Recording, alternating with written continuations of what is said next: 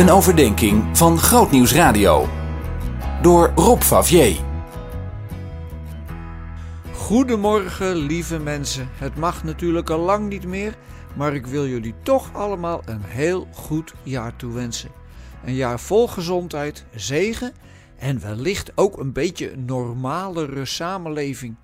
Zoals je weet werken we bij de overdenkingen met series gekoppeld aan een Bijbelgedeelte. En vandaag en volgende week wil ik met jullie eens nadenken over het boekje Rut. Erg interessant. Je zou er een toneelstuk van kunnen maken in vier scènes. Het is eigenlijk een hele tragische familiegeschiedenis die uiteindelijk heel mooi eindigt. Of moet ik zeggen, juist niet eindigt. Elimelech, zijn vrouw Naomi en hun twee kinderen trekken naar Moab als economische vluchteling. Er was hongersnood in het land. Op zich is het heel merkwaardig dat ze naar Moab trokken, omdat dat land ongeveer hetzelfde klimaat had als Juda en dus ook ongeveer dezelfde regenval. Egypte lag in tijden van hongersnood veel meer voor de hand. Abraham trok lang geleden naar Egypte en ook de zonen van Jacob zien zich genoodzaakt om naar de graanschuur van het Midden-Oosten te gaan. Maar wie weet is het feit dat ze naar Moab trekken al een kleine knipoog over wat er uiteindelijk van komt.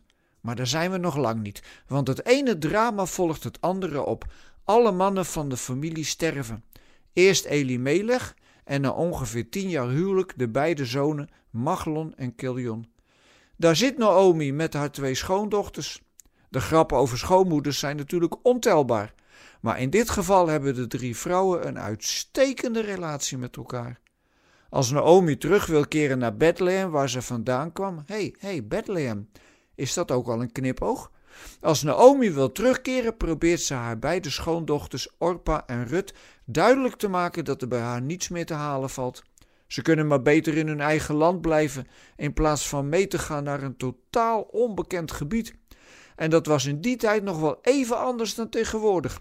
Als je naar een ander land ging, liet je werkelijk alles achter, ook de goden die je zo vertrouwd waren.